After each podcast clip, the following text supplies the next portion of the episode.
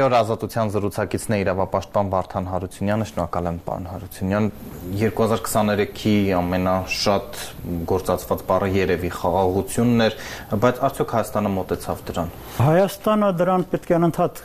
դեռ շուտ շուտվանից պետք է մոտեցած լիներ, բայց իրավիճակը սխալ գնահատելու պատճառով մենք կորցրել ենք 3 տարի։ 2020 թվականի պարտությունը եթե հաշվարկի նոր համակարգի սկիզբ համարենք, ապա այդ շրջանից սկսած ինչքան շուտ մենք կարողանանք գտնել հաշտության եզրեր, այնքան շահած դուրս կգանք։ Բայց հայկական կողմը չկարողացավ իրավիճակը ճիշտ գնահատել, դա ակնհայտ էր ու པարս թույլ տրվեցին բազմաթիվ սխալներ եւ այդ սխալների հետևանքով մեր կորուստներն ավելի շատացան 2020 թվականի պարտության ֆոնին մեր կորուստներն այսօր ավելի շատ են, քան էին 2020-ի նոյեմբերին, որովհետև մենք չկարողացանք ճիշտ գնահատել իրավիճակը, ճիշտ քայլեր կատարել, որ օր առաջ կնքվեր հայ-ադրբեջանական որևէ փաստաթուղթ, որը որ հնարավորություն չէր տա արդեն Ադրբեջանին ել ավելի առաջ գալ։ Դա չարվեց, ադրբեջանցիները շատ ավելի առաջ են եկել։ Հիմա այո, հասել ենք մի եզրագծի, երբ այդ փաստաթուղթը, այդ հաշտության փաստաթուղթը կարող է լինել։ Դեռ 100%-ով վստահություն ոչ ոք չի կարող ասել թե լինելու է թե ոչ, երևի բացի ադրբեջանական կողմից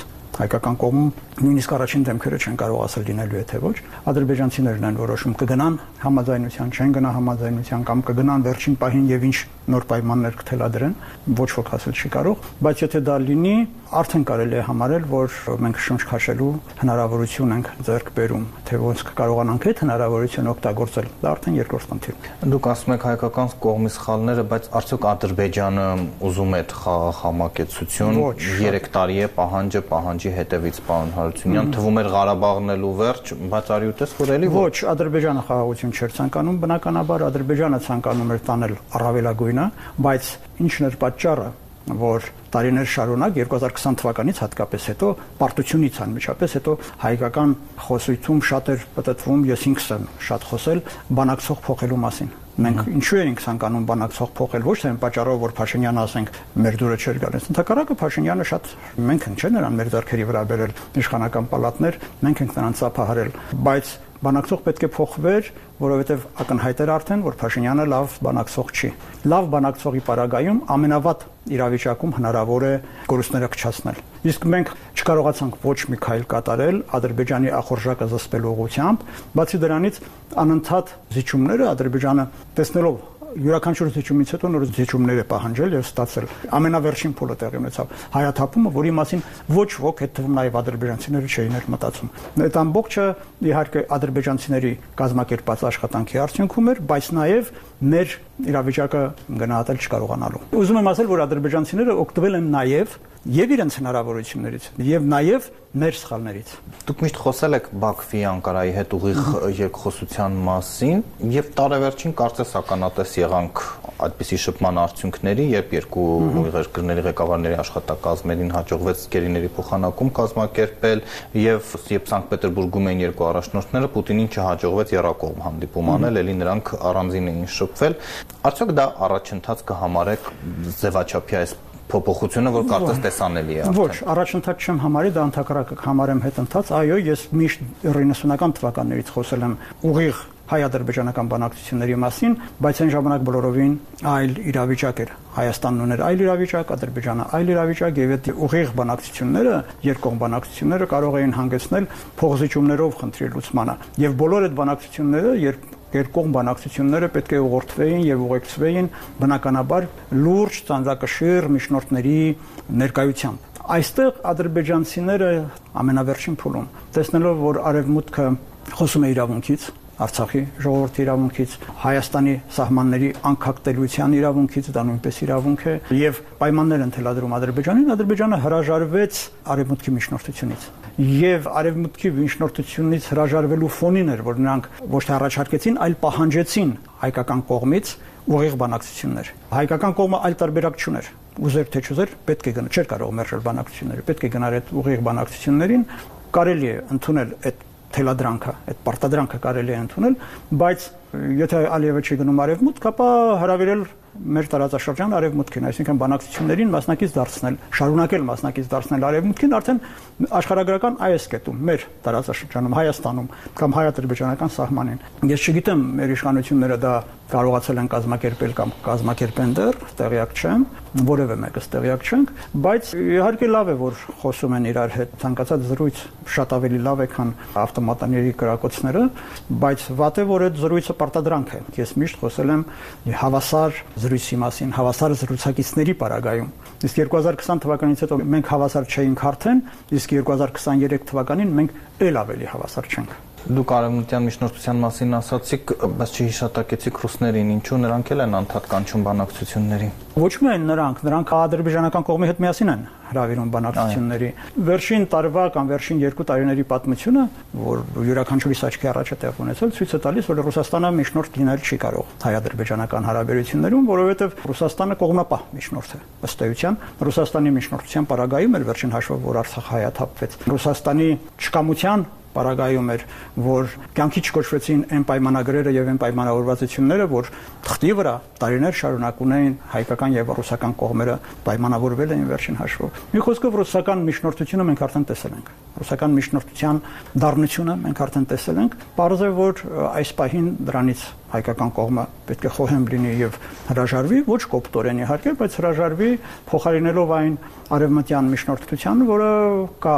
իրական է, ռեալ է, առաջարկվում է եւ արևմուտքին իրական խաղաղություն է պետք այստեղ։ Ռուսաստանին գուցե եւ լարվածություն է պետք, որպեսզի շարունակի մնալ մեր տարածաշրջանում, իսկ արևմուտքին խաղաղություն է պետք շատ པարզ պատճառով։ Այսօր արևմուտքի սրտում ընթանում է մեծ, շատ մեծ պատերազմ Ուկրաինայի տարածքում, արևմուտքը դրանով է զբաղված եւ արևմուտքը չի ցանկանում իր սահմանին կամ սահմանին մոտ ունենալ նոր լարվածության օջախներ կամ պատերազմներ, որոնցով ինքը նույնպես պետք է զբաղվի։ Տարված է արևմուտքը այլ խնդիրներով եւ այստեղ ընդհանրապես արևմուտքին խաղաղություն է պետք ժողովրդավարական հասարակություններին խաղաղություն է պետք։ Բարեկեցիկ իրենց կյանքը վտանգել նրանք չեն ցանկանում մեր պատերազմներով եւ մեր հակասություններով եւ մենք դրանից պետք է օգտվենք։ Բայց մյուս կողմից կա մտավախություն, որ դուք ճիշտ եք արևմուտքի հավաստիացումները կան Հայաստանի պետականության, տարածքային ամբողջականության պաշտպանման հարցում, բայց այդ մտավախությունը, որ գուցե դրանք միայն խոսքեր լինեն, երբ Ալիևը հարցակվի գործի չվերածվի արևմուտքի այդ հավաստիացումը, ինչպես դա եղավ Արցախի դեպքում ամեն ինչ է հնարավոր։ Որևէ մեկը չի կարող որևէ բան բացառել։ Դրա համար մենք պետք է ցույց տանք, հասկացնենք աշխարհին։ Աշխարհը պետք է տեսնի, հենց նույն արևմտյան աշխարհը պետք է տեսնի, որ մենք յուրային ենք, որպեսզի մեզ պաշտպանի։ Մենք շատ ենք չեն եղանում, ասում ենք, տեսեք ուկրաինացիներին ինչպես են պաշտպանում, իսկ մեզ չեն պաշտպանում։ Ուկրաինացիներին պաշտպանում են որպես յուրային, ուկրաինացիներին պաշտպանում են կամ այլոց նույնպես։ Մենք պետք է վերջին հաշվով դառնանք որևէ աշխարհի իրական մաս իրական մաս, որպեսզի այդ աշխարհը մեզ արդեն ճանաչի որպես յուրային, վերաբերվի որպես յուրայինի։ Մենք 2000-ականների ողջ ընթացքում ըստ էության արևմտյան արժեքները թղթի վրա կամ հայտարարությունների տեսքով ընդունելով հանդերձ չենք եղել այդպեսին ընտրություններ են կեղծել ես չգիտեմ բռնություններ են կատարել մարտի 1 ենք վերջին հաշվով ունեցել մենք դարձել ռուսաստանի աչակիցն ենք եղել մենք միջազգային հարթակներում տարիներ շարունակ քվյարկել ենք արևմուտքի դեմ Եվ հիմա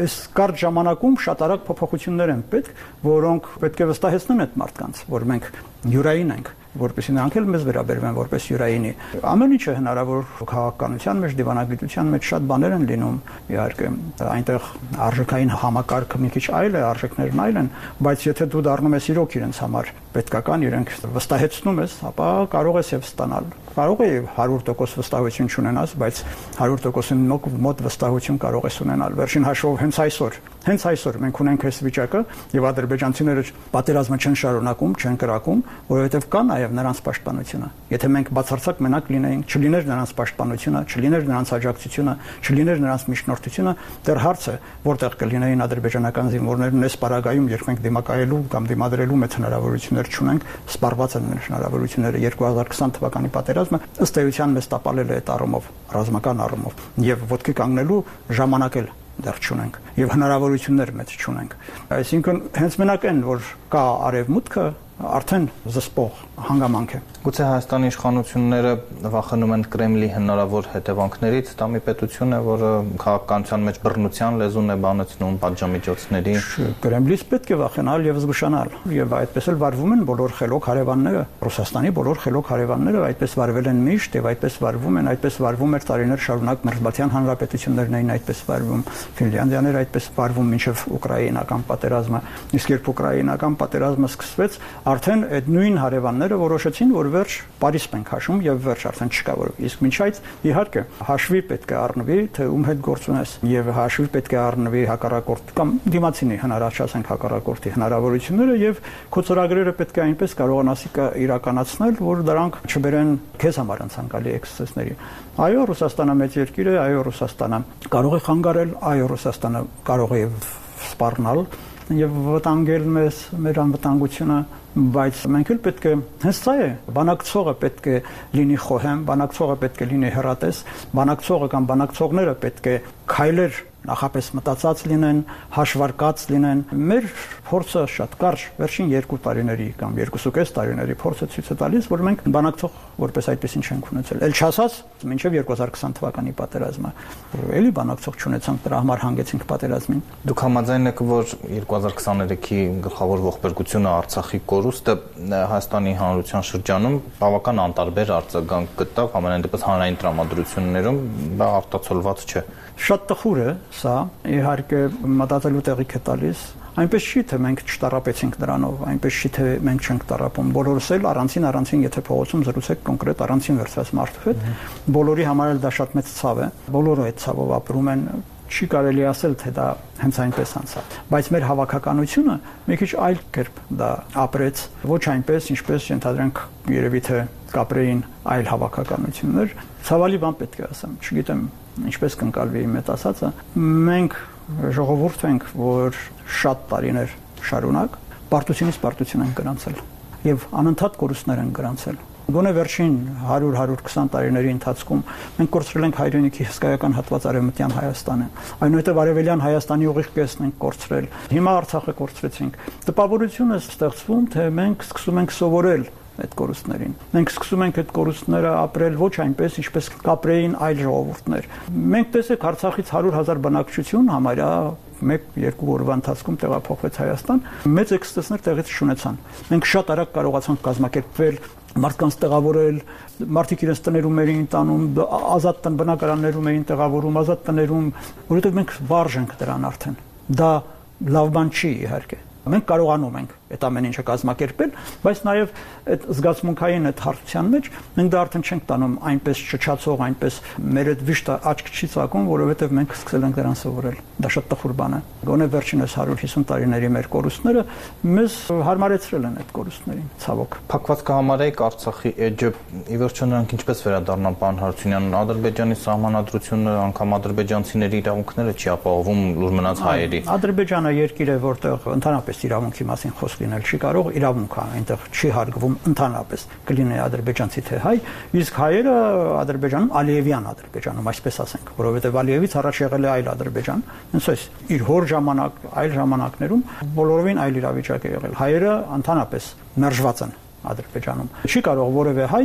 նշանակություն չունի։ Հայաստանից թող չլինի, ասենք, որևէ Ֆրանսիա հայ կամ որևէ Ամերիկա հայ, Ռուսաստանի որևէ հայ չի կարող հենց այնպես տոմս գնել եւ գնալ Բաքու։ Նա անպայման կդիտարկվի այնտեղ որպես հնարավոր հակառակորդ, ճշնամի, ձերբակալման ենթակա որևէ անձ։ Կարող եք նայել Հայաստանում ինչքան ադրբեջանցիներ կան Իրանից եկող ադրբեջանցիներ եւ որևէ մեկի մտքով չի անցնում նրանց ադրբեջաներեն խոսելու համար կամ որպես ադրբեջանցու այստեղ պատժել կամ հետապնդել կամ որևէ ձևով արգելել նրանց մտքը Հայաստան։ Այս առումով իհարկե Ադրբեջանը երկիր է, որտեղ հայերի վերադարձը այս պահին գոնե քիչ հավանական է, այսպես ասենք։ Ընդհանրապես փակել Արցախի թեման եւ հայտարարել վերջ դա ավարտված է, ադրբեջանցիները այդպես էլ համարում են։ Ադրբեջանցիների գերխնդիրը այսօր հենց դա է՝ փակել հարցը մեկ ընդմիշտ հարյուրամյակների համար, որպեսզի չլինի այնպես, որ Ադրբեջանի տարածքում կլինի Արցախում, կլինի Նախիջևանում կամ կլինի որևէ այլ տեղ կոմպակտ հայերն ապրեն 10000 հայ 30000, 70000, 100000 հայ միասին ապրեն, որովհետև ադրբեջանցիներն արդեն գիտեն, որ եթե հայերը հավաքական այնտեղ ապրեն, մեկ կետում, մեկ տեղում, ապա